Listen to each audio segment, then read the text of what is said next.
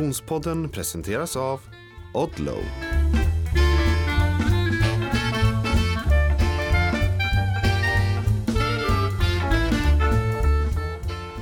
Hej och välkommen till Konditionspodden. Vi är framme vid avsnitt tre denna tolfte säsong och jag som pratar heter Frida Zetterström. Hej i studion, Oskar och Niklas. Hej! Hej! Det här var inte igår. Nej. Nej. Som vi var alla tre i studion samtidigt. Nej, exakt. Hur mår Det ni? händer, det händer en gång per säsong. Nej, det brukar faktiskt hända väldigt mycket oftare men eh, det här är första gången den här säsongen. Mm. Den tolfte säsongen alltså. Hur mår ni? Bra. Jo, men det är okej. Ja. Jag kämpar lite med min rygg som sagt, eller min astma. Mm. Ditt hälsoläge kommer vi definitivt att återkomma till i eh, dagens avsnitt. Eh, det, det blev inget avsnitt förra veckan. Nej. Det var lite tidszoner som strulade till det. Exakt, någon sov, någon annan var vaken. Och så Någon var vidare. på berget. Någon var på berget. Någon var i bilen. Eh, hur var din eh, sportlovsvecka, Niklas? Ah, fantastisk. Mm. På, eh, ett annorlunda sportlov. Mm. Jag tror... Eh, ja, jag kan inte ens minnas när vi inte åkte skidor på ett sportlov senast. Det var många år sedan. Mm. Och ehm, Vad är anledningen till att ni inte åkte skidor? är lite skador i familjen. Just det. Jag har ju eh, bara den yngste och eh, mest, för tillfället mest aktiv eh, tävlingsåkare. Han har ju skadat knät på fotbollsplan i sommar. Just det. Oj. Skitdum, skitdum sport, fotboll alltså. Ja. Mm. Mm. Tydligen Eh, eh, även Vasaloppet nu enligt ja, det är Radio. också farligt. Mm. Mer om det sen. Ett eget avsnitt Oskar. Ja. Ja, nej, men så inte skidor just Fotboll, nu. skidor. Så. Ja, nej, men därför åker vi inte skidor just nu. Och Just då det. åkte vi eh, till storstaden New York för att se en storstad. Mm. Och jag har ju varit där tidigare. Senaste gången, dock tio år sedan. Och Nej, det, 17 år sedan var det tydligen enligt Kristina. Det var när Tyra var fyra tror jag. Ja, men det var inte sista gången. Nej, okej. Sista gången var faktiskt tio år sedan och då var det New York Marathon. Ah. Ja. Mm. Och då vet jag att Konditionspodden var live in kicking för tio år sedan då. För jag gjorde en eh, live-rapportering från New York till eh, P4 Extra eh, och till Harald Treutiger som eh, ringde upp och frågade hur det var där på startlinjen. Det är roligt. Ja, och då vet jag att eh, jag pratar om Konditionspodden. Såklart att du gjorde. precis. Bra! Ja, Bra det man- där! Och det är alltså tio år sedan. Ja. Bara det är ju värt en eh, fanfar tycker Ja. jag.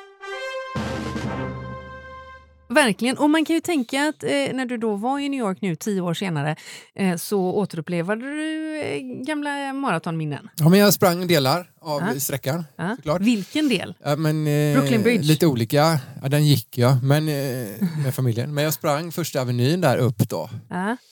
Och sen så körde jag ju eh, målgångssträckan i Central Park. Och lite olika delar i Central Park.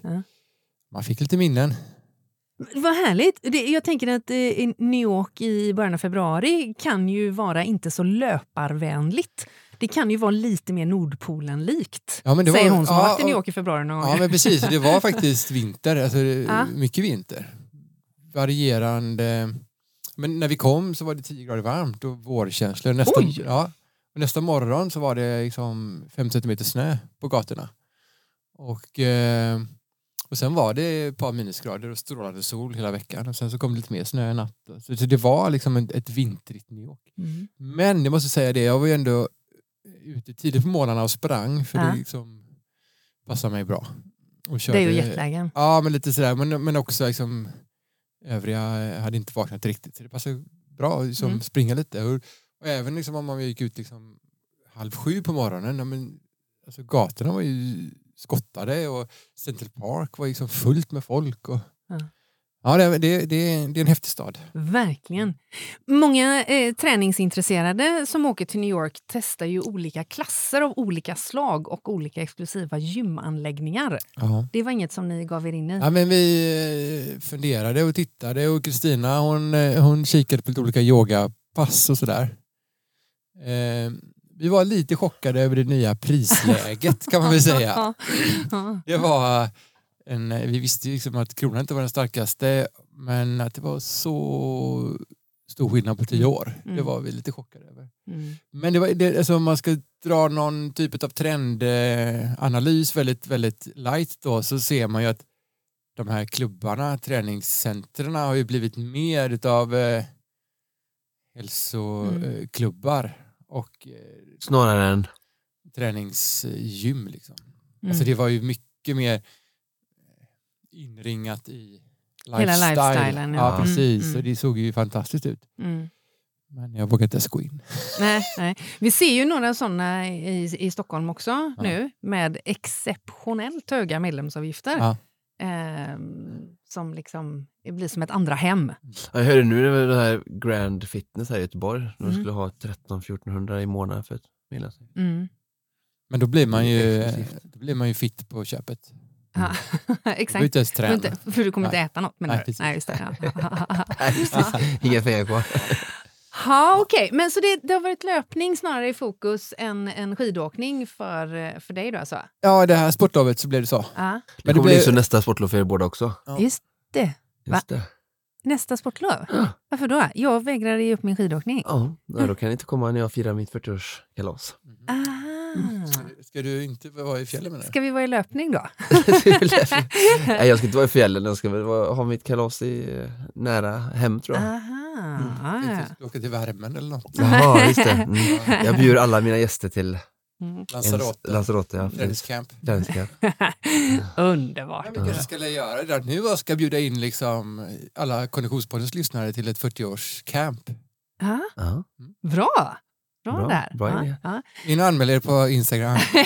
Alla kanske inte är så som inte är i min sfär är beredda som sagt att ge upp sin vecka sju. Den har ju alltid fått stå, i 39 år nu, fått stått åt sidan, men jag tänker om det är någon gång som jag kan fira min kalas så kanske det Ah, kan ja, vara ja, ja, det är så det är. det Jag har ofta tänkt att vi borde liksom byta, att vi borde rotera.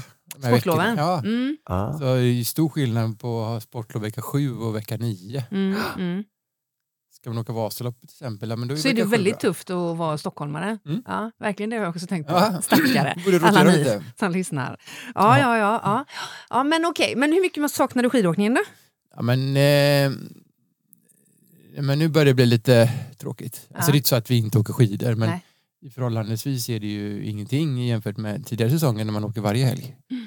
Men eh, det finns ju fortfarande dagar kvar och det är ju snö i Alebacken, hemmabacken, Mm, så mm. det hänger lite där. Mm. Men det är klart att eh, när man såg dina bilder Mm. från Schweiz blev man ju Mm. Så kan det vara. så kan det också vara. vara.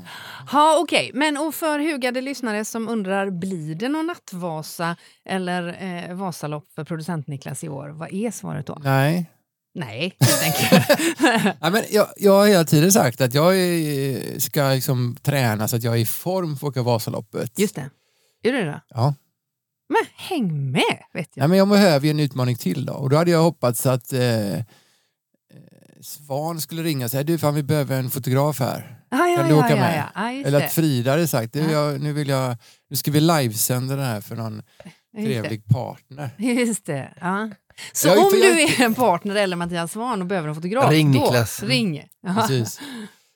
Ja. Nej, men för, alltså, jag är ju inte tränad för att slå något rekord. Nej. Jag, inte, jag kommer ju inte hänga med Oscar. Nej, det Nej. förstår jag. Så då kände jag att Ja. ja, bara åka runt, det har jag gjort så många gånger. Okej. Jag behöver liksom, Ja, ja, ja. Ett sammanhang. ja, Ja. precis. Ja okej då. okej Men det är inte för sent, jag menar är det någon som vill ha en, eh, Ja. Bra.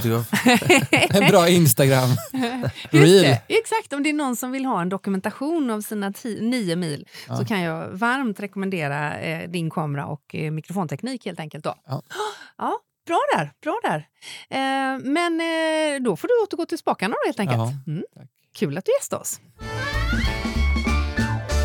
Och vi är så himla glada att vi har med oss våran trogna poddpartner Odlow genom den här säsongen. Eh, Oskar, sällan kommer Odlow så väl till pass som när det är sånt där mellantemperatur och man ska ut och träna eh, och man behöver hålla kroppen varm. Mm. Mm. Ja, Jag hade faktiskt väldigt sån eh, uppenbarelse igen det är två av mina favoritplagg. Eh, när jag var ju, han, han var i New York och du var i Schweiz, jag var ju i Säfsen. Mm. De södra fjällen, om det ens nu går att kalla för fjäll Det är klart det i. Sverige. Ja. eh, strax söder om Mora. Mm. Eh, men så vi hade fantastiskt väder förutom första dagen då det ösregnade som Mm. det kan göra i svenska fjällen ibland. Mm. Och då hade jag min eh, Reveal Stoke, den här det, eh, underställströjan, Mm. base layer som jag pratat gott om, under och sen hade jag den här då, det brukar ju inte åka skidor i den utan det är ju en, jag brukar ha den mer för löpning, en regnjacka, den heter Zero Weight Dual Dry Ja, just Performance. det. Ja, den som är lite prasslig och tunn. Ja, precis. Ja, den är underbar. Ja, så den brukar jag bara springa i, men så det regnar ju och det var liksom det närmsta jag hade i regnkläder. Ah, ja. Ehm, så jag tog på mig den. Så var jag ute i nästan två timmar och sen när jag kom hem i stugan så jag, tänkte inte på det utan jag var ute i regnet och krigade på. Ja. Ja, frös ju inte sådär. Så när jag tog av mig den så vet du, så Erika hon fick liksom fotografera mig för att den var liksom helt torr ja, under. ja. Så det sa ju både hur den eh, underställströjan andas och även hur den här regnjackan då verkligen eh, Håller vätan. Håll vätan, liksom. Så det var ju otroligt att, att den var, det var, alltså, det var på något ställe såklart så var det lite så här, Ja, det gråa tyget var Ja. lite mörkt då, Ja, alltså, men ja. överlag 85% var liksom ljusgrått, Ja. alltså Och då torrt. ska man ha med sig, om man inte har känt på den här eh, jackan, att den är exceptionellt tunn. Eh, så att det är liksom, det, det, nu, nu kallar vi det för regnjacka, men det är det ju verkligen inte, utan det är ju snarare en- ett vindplagg som är... Och så i kombination super. med ett underställ som Mm. är verkligen expert på andas, Mm, mm. Som Reveal Stoken är. Så att, eh, ja, det var eh, ytterligare ett bevis på hur funktionella de är, Mm. plaggen alltså. Om en och en halv vecka så eh, står vi ju båda eh, på startlinjen i Vasaloppet med x antal tiotusentals åkare mellan oss, ska tilläggas. Men dock iklädda samma varumärke, för vi kommer åka Vasaloppet i Odlo. Yes, Definitivt. definitivt. Inifrån och ut. Ja. Vi har ju fått ny tävlingsdräkt nu i Team Längdskidspecialisten så det, den är riktigt snygg och funktionell. Det är ju snajdigt. Mm. Ja, mycket bra. Ja, tack så mycket säger vi till Odlo för att ni hänger med oss den här säsongen. Och när det gäller just Vasaloppet och eh, ehm, utrustning så har vi ju ytterligare en poddpartner med oss eh, under den här perioden i form av längdskidspecialisten. Eh, Jan Flodin i Borås. Och jag måste säga att jag blir Alltså jag blir glad på riktigt när jag kommer in hos Jan Flodin i Borås. För att är det någonting som, är, som, som fascinerar mig så är det människor som är passionerade för liksom, specifika ämnesområden. Eh, och det som inte Jan kan om längdskidsutrustning, det är inte värt att veta. Så är det. Så är det verkligen. Mm. Och det som är lite intressant tänker jag, för att hos eh, längdskidspecialisten så kan man ju då eh, såklart köpa all eh, upptänklig utrustning som behövs för att åka längdskidor. Eh, men det som är intressant tycker jag är att det är ju faktiskt lika viktigt för er naturligtvis i Team Längdskidspecialisten. Där är det ju helt avgörande. Ni gör ju skidtester dagarna innan och, och allt sådär. Eh, men också för en sån som mig och som för många av våra lyssnare, en glad motionär, så är det ju väldigt avgörande att man faktiskt får personlig hjälp eh, och får rätt utrustning. Jag fick ju till exempel nu i veckan då för första gången rätt stavlängd. Och bara en sån grej, att du åkt runt i flera år med för korta stavar. Ja, och det säger ju mer om mig ska man bara säga. Men, men, Jo men det är väldigt vanligt hos äh, motionären. Jag Ja. själv, vi har haft massa skidträffar i vinter och vi ser ju hela tiden att folk har eh, för korta eller för långa stavar och inte alls är pålästa vad som är liksom den optimala längden. Och, och samma sak gäller ju lite det här med spannet som jag vet att du har Exakt. hittat. eh, Haft en skida som, som varit kanske lite styv då, där du har fått svårt att få ner fästytan i snön och få fästa i din diagonalåkning. Och, Mm. Mycket sådana här saker liksom som är, alltså när folk går och köper bara i en sportaffär och inte får den här, det är vissa saker, en vattenflaska eller på att säga, eller på, på tights kanske, så här, kan du köpa själv med din egen expertis. Men Mm. när det kommer till längdskidor eller en racercykel eller sådär, så, så, så är verkligen såklart det sto- stora tipset att söka sig till engagerade, genuina, service-minded eh, specialister in, inom respektive område. Mm. Och är det så då att du som poddlyssnare befinner dig i västra Sverige, eh, då rekommenderar vi varmt att du eh, tar kontakt med Jan i Borås. Eh, naturligtvis servar ju längdskidspecialisten kunder över hela Sverige, men eh, själva eh, butiken och eh, verkstaden ligger ju i Borås. Och är det så att du som lyssnar ska åka Nattvasan, Stafettvasan eller Vasaloppet 90, då har du ju fortfarande, om du hör det här när vi släpper avsnittet, chansen att lämna in dina skidor hos eh, längdskidspecialisten i Borås och sen hämta dem i Sälen. Färdig och top notch-vallade. Det är en bra grej. Mycket bra grej. Mm. Lämna in skidorna eh, hos längdskidspecialisten före tisdag Vasaloppsveckan eh, så får du dem eh, fixade till Vasaloppet och hämta dem i Sälen. Det är ju fantastiskt bra. Tack så mycket säger vi till längdskidspecialisten. Ja, vi hörde ju hur eh, Niklas hade eh, testat eh, löparbanan eh, eller eh, New York Marathon eh, löparterrängen.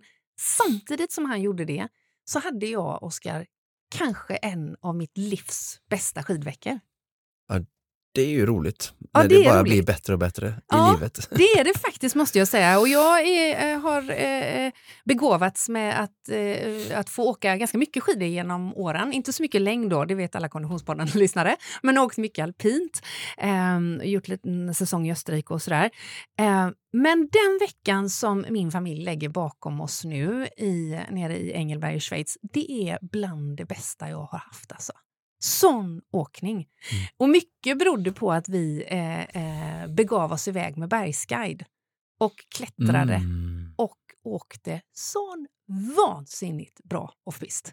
När vi jämför det med liksom då Åre Mm. som du åkte till, Mm. känner du så här typ att, alltså jämförelse då, så det var ju lite kallt där och ni hade som ni hade, nu har ni tur med vädret i Schweiz och sådär, men kan den semestern nästan kännas liksom lite överflödig eller onödig? Alltså att skulle man sparat de resurserna och sen åkt en gång till till Schweiz vid ett annat tillfälle, eller har den resan sin plats? Förstår du vad jag menar? Att det blir två resor så nära. Mm. Eh, det är klart, båda kostar ju mycket pengar liksom. Mm. Eh, men den i Schweiz låter ju så otroligt mycket bättre.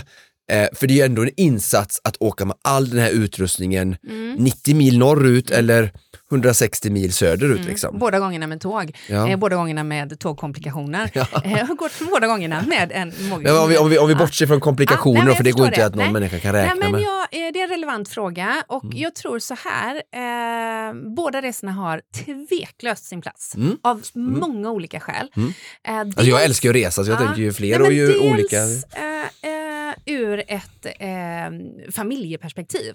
Eh, det här handlar ju om att, att samla på sig eh, minnen och erfarenheter och, och tillfällen att, att göra saker ihop. Eh, och min familj, jag har ju två tonårskillar, 16 och 18 år, eh, och, eh, och en man.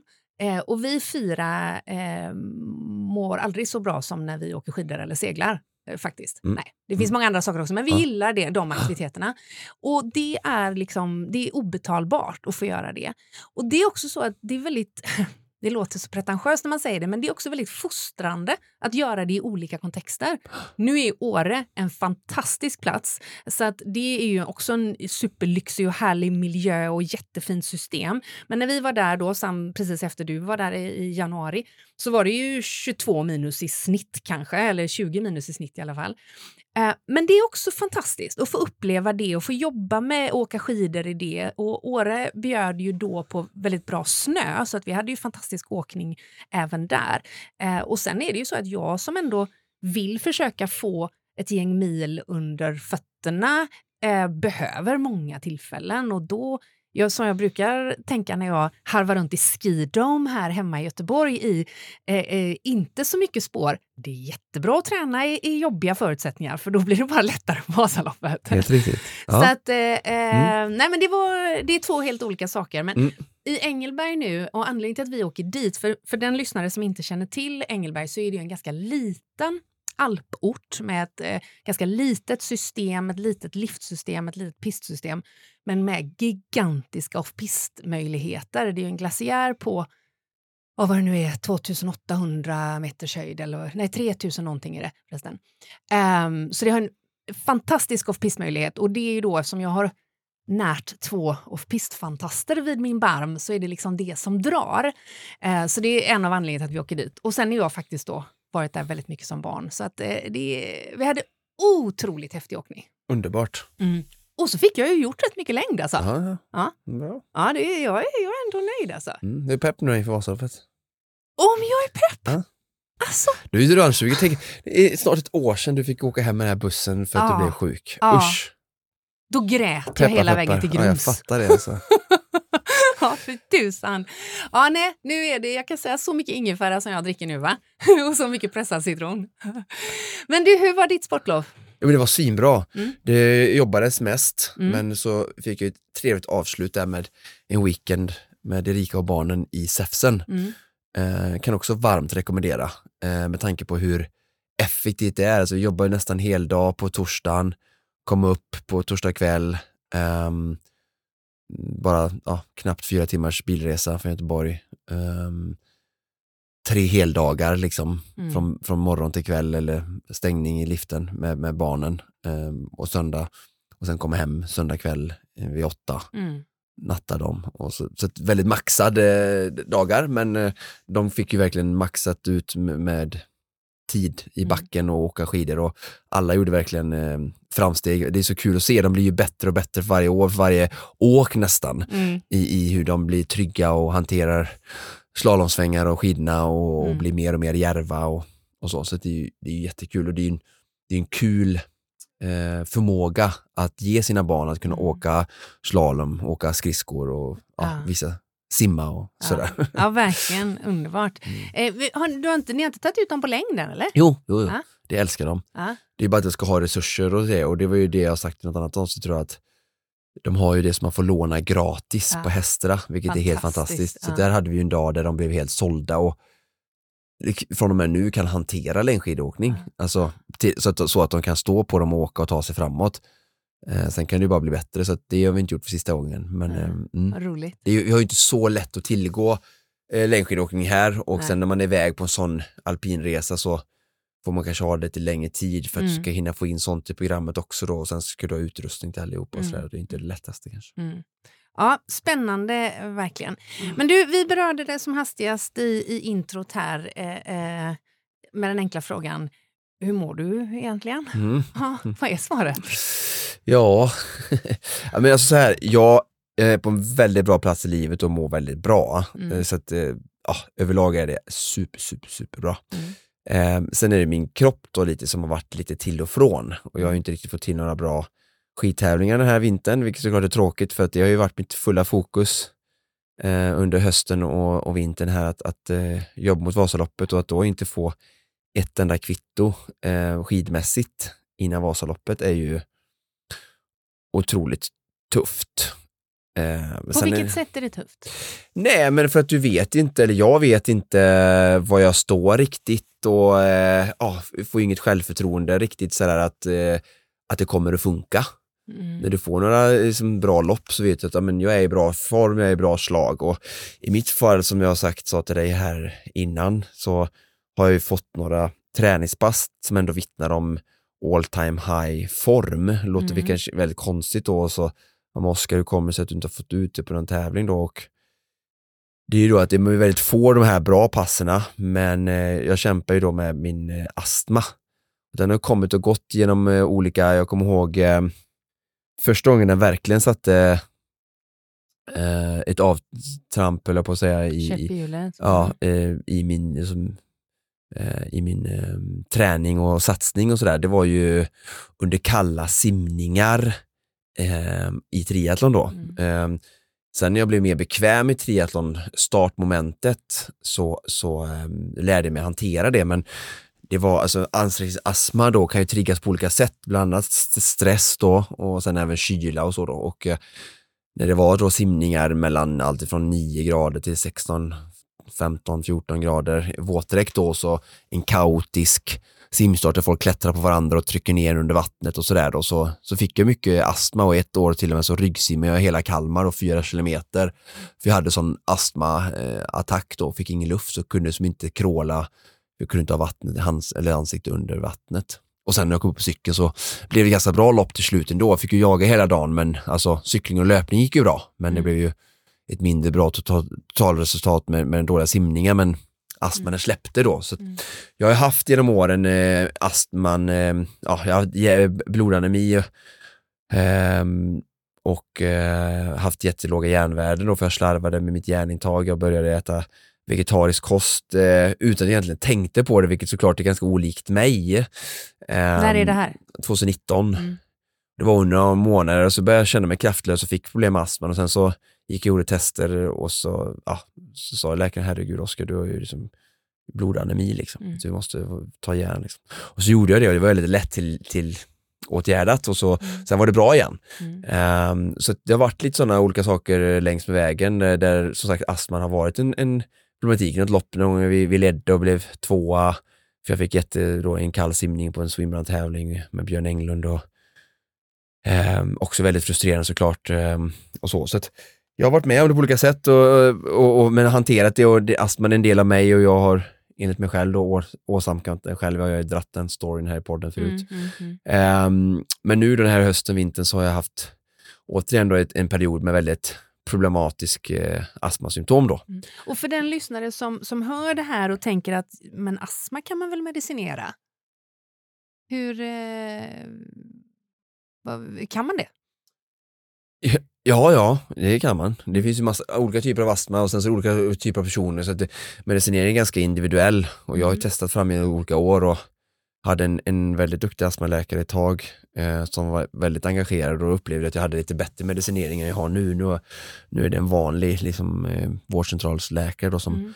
medicinerar mig och jag är inte helt nöjd men den har ju ändå funkat om man tänker Supervasan och Swimrun-VM och alla de här jag, Mm. ändå, prestationer jag ändå har fått ut nära av maximalt min kapacitet så, så kan man ju säga att det absolut funkar. Mm.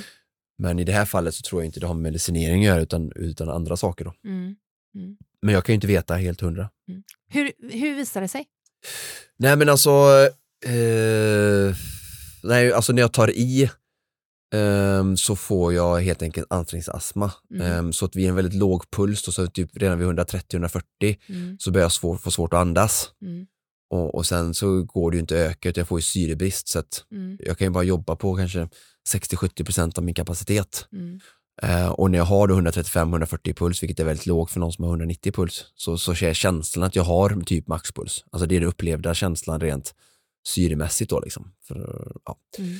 Så att mm, det, det är så det ter sig då. Mm. Och sen så det, har det varit väldigt då till och från, men framförallt så upplever jag att det har varit mer då när jag jobbar med ryggen, övningar som är så min tes just nu då är att det är tight i ryggen kring diafragman och så i och med eh, styrketräning mot hyrox som jag haft det senaste året och mycket stakning, stakning, stakning i överkropp då liksom. Så det är en ackumulerad trötthet och spändhet i Mm. ryggen helt enkelt. Och, Mm.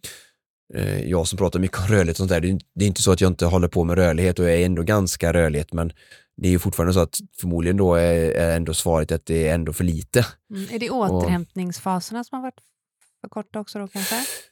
Alltså nej, för att jag har provat det och ändå Ja. fått symptom ibland sådär, så jag har verkligen vilat och jag tror det kan ha att göra med ehm, eh, oh, men absolut, men jag skulle kunna ta en återhämtningsfas på två månader då. Ja, ja, ja. Eh, Mm. Så skulle jag säkert kunna nolla ut mig, men det har ju inte kunnat vara, det har ju än så länge i alla fall inte varit ett alternativ att jag ska ta mig tillbaka till någon typ av värdelös eh, form bara för att titta om det kan vara det, utan jag Mm. tänker att jag ska kunna träna på och hantera det här längs med vägen Mm. och öka min rörlighet och gå behandling nu som jag har tid hos idag hos Oskar och Mm.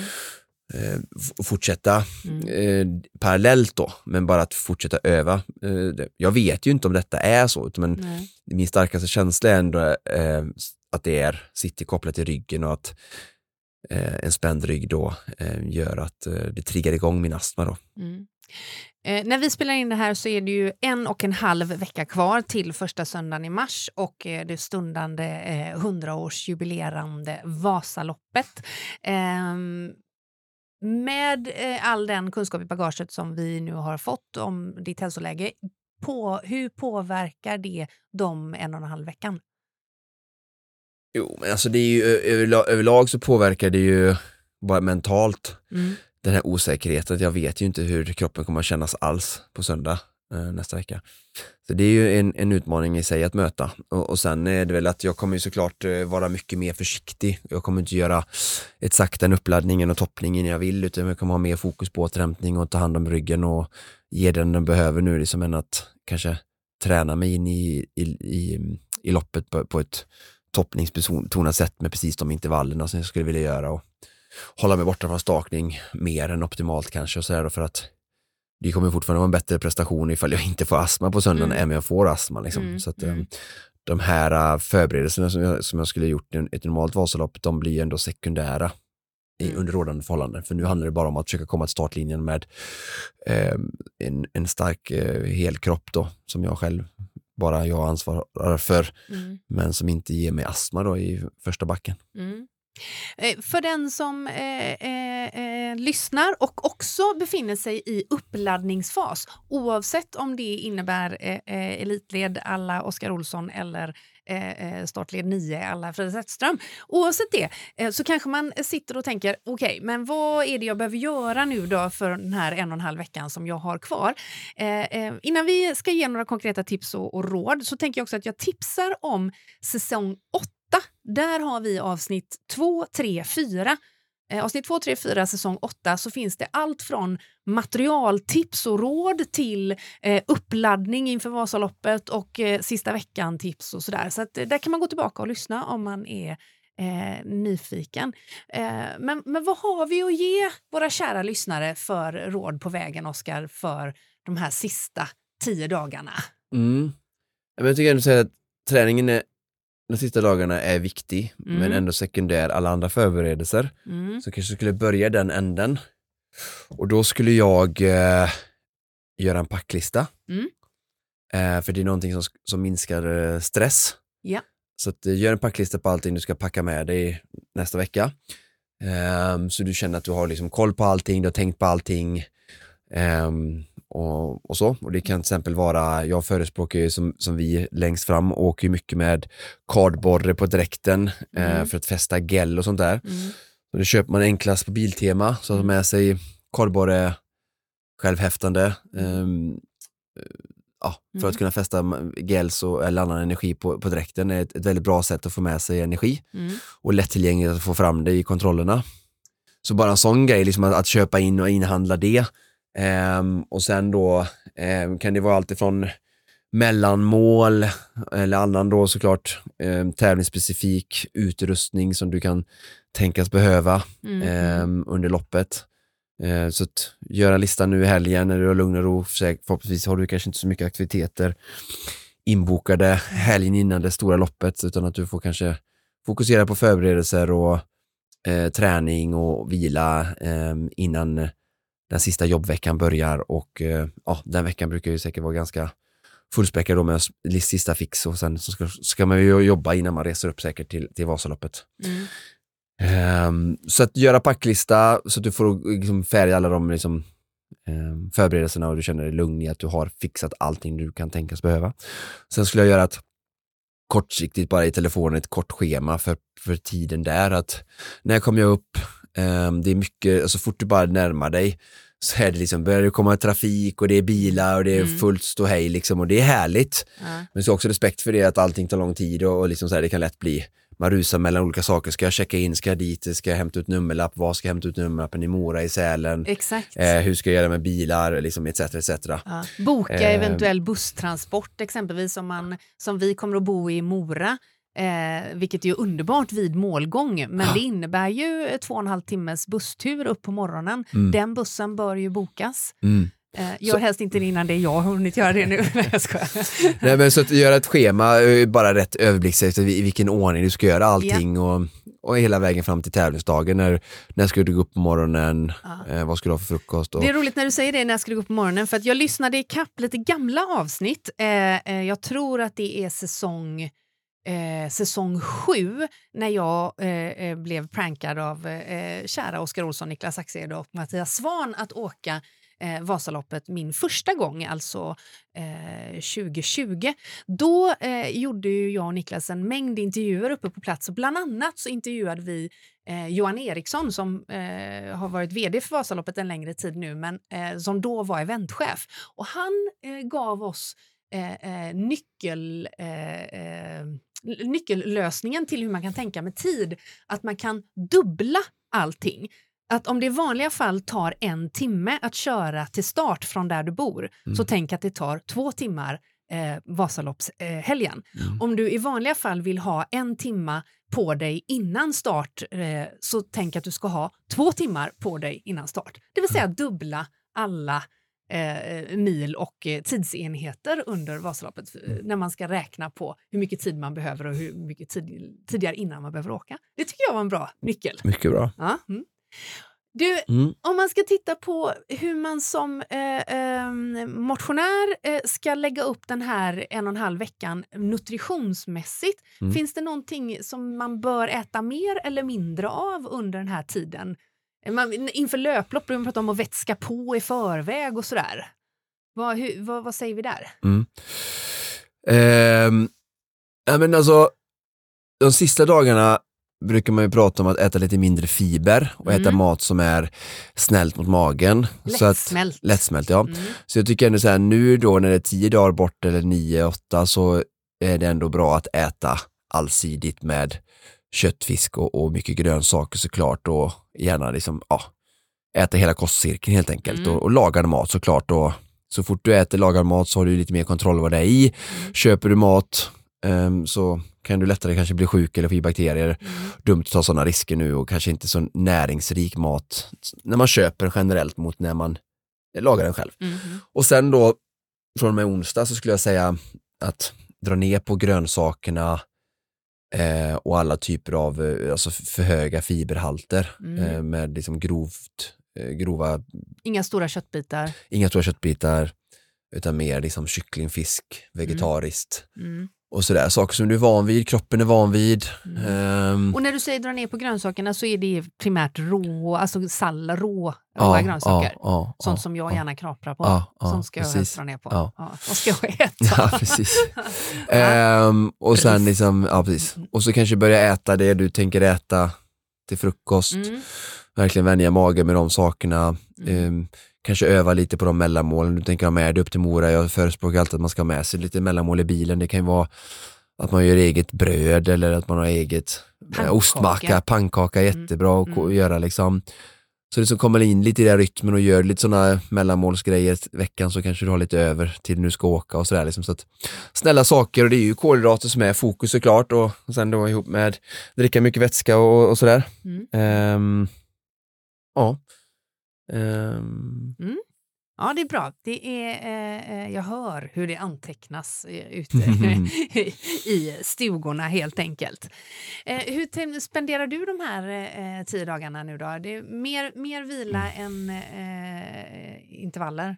ja precis, jag kommer ju ha lite mindre intensitet men ändå Mm. försöka till ett långpass nu i helgen. Mm. Och det förordar jag egentligen alla. Och då är det väl egentligen från allt från 90 minuter till fyra timmar beroende på eh, ambitionsnivå. Mm. Eh, är man en väldigt så här, ja, nybörjarmotionär så kanske det räcker med, med två timmar, men det om, om man inte är van att göra så mycket längre pass än så. Men eh, ett lite längre pass, men ändå såklart lugnt. Eh, och sen då framförallt med jättemycket kolhydrater eller där du verkligen fyller på lite så som du har tänkt eh, under Vasaloppet då. Mm. På det Eh, långpasset och- är det ju fenomenalt bra att testa de Ja, gels man ja, eventuellt ska ja, ha under helgen då, om man Precis. inte har gjort det tidigare. Nej, och sätta fast på kläderna kanske man tänker använda sig av den tekniken eller Mm. på vilken teknik man tänker använda. Och sen även eh, eh, är det väldigt viktigt att du, om du fyller på bra under långpasset så, så är du, går du aldrig tom och det man inte vill göra de här tiden nu är ju att, att gå tom någon, något pass liksom, Mm. eh, för att minska, ja då ökar du tiden till återhämtning och sådär då. Så att, eh, det i helgen, långpass och sen eh, i veckan så brukar jag alltid börja veckan med vilodag på måndag och sen eh, tisdag brukar jag förespråka lite korta intervaller. Det kan vara typ tre gånger tre minuter eh, tröskel plus tre gånger en minut. Väldigt hårt. Eh, och sen lite överkroppsstyrka. Som är till för aktivering liksom på de skidspecifika musklerna. Så Mm. liksom lite chins, armhävningar och kroppsviktrelaterade lite dips och lite sånt där. Så att aktivering, så ett styrkepass kanske 30 minuter. Onsdag är vilodags, liksom eh, eh, melodi. Mm, Är man vältränad så brukar en vilodag ändå innehålla någon typ av eh, lätt jogg eller sådär och är man motionär, nybörjare så brukar vilodagarna kanske bestå av en timme rask promenad. Mm. Tror aldrig man ska liksom vara helt stilla.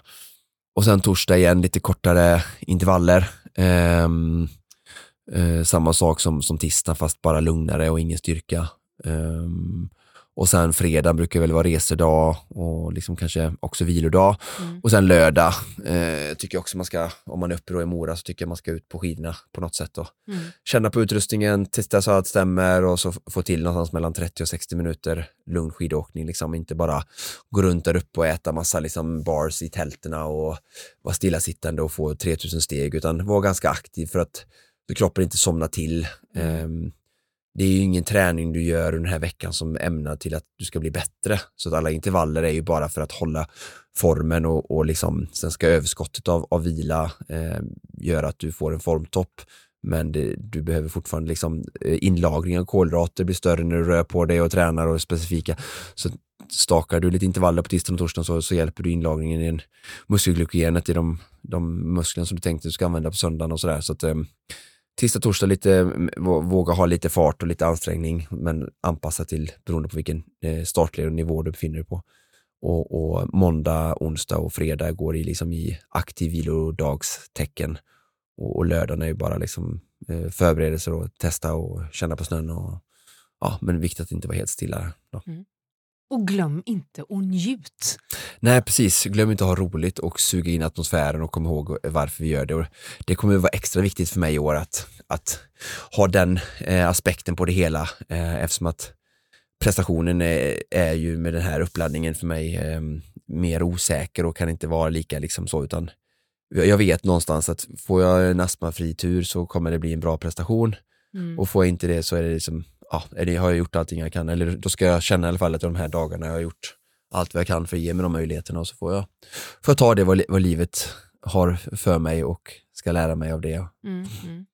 Ja, Och det gäller ju oss alla, för att alla går ju säkert in i loppet med olika utmaningar och skavanker och ingen oftast har en, liksom en spikrak uppladdning. Nej. Eh, Så. Du har ju, gäller ju dig också, att du Ja. har ju haft sjukdom i tre, fyra veckor och halsfluss och grejer. För, eh, det var ju inte heller optimalt, så att då kan jag också hjälpa att, ja, Ja. Hjälpa att eh, skifta fokus till lite mer upplevelse än, bara fokus på 100%. prestation. Ja, Mm. verkligen, verkligen. Och om du som lyssnar befinner dig eh, uppe i, i eh, Vasaloppsvärlden eh, så tveka inte och släng iväg ett eh, hej på Instagram eller ännu hellre om du skulle eh, snubbla över oss i spåren eh, så ja, stör inte Oskar, stör heller mig. Nej, jag skojar bara. Eh, heja gärna, det är så kul såklart eh, om vi ses där uppe helt enkelt. Eh, Men du, det har varit mycket sport eh, eh, i veckan som gick, eller veckorna som gick. Jag vet att du Mm. har följt bland annat simningarna Ja, jag älskar ju all typ av sport. Snart kommer första mars nu så inleds inomhus-VM i friidrott. Just det. Eh, Jag är ju lite för mycket sportnörd, eh, känner jag. Även som det här, bästa? Ja, det gäller ju det här. Triathlon är jag ju ännu värre på. Det, Mm. det finns ju ingenting som går under radarn jag inte är med. Så att, behöver ni en eh, triathlon-expert eh, någon gång så kan jag det finns ingen en som är mer nördig Ja. än vad jag är.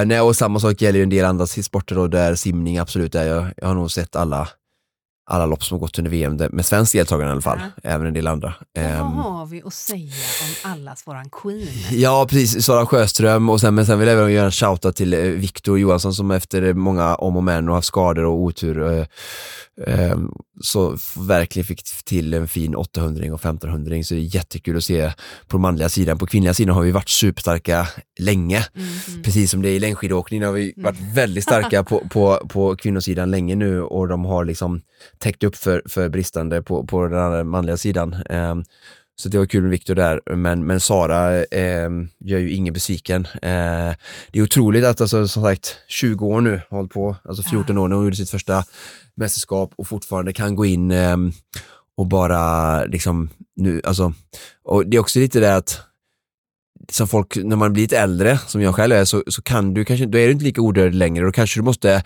du vet, välja eh, vilka bollar du lägger i skålen. Eh, om du vill verkligen vinna. Mm. Hon, hon vinner ju inte bara, utan hon vinner verkligen liksom med marginal. Mm. Sådär som att jag vann, jag var bäst. Det var inte typ såhär man ser i andra finaler att någon som Hon vann med inte tur, 200 kan man delar. säga. Nej, precis.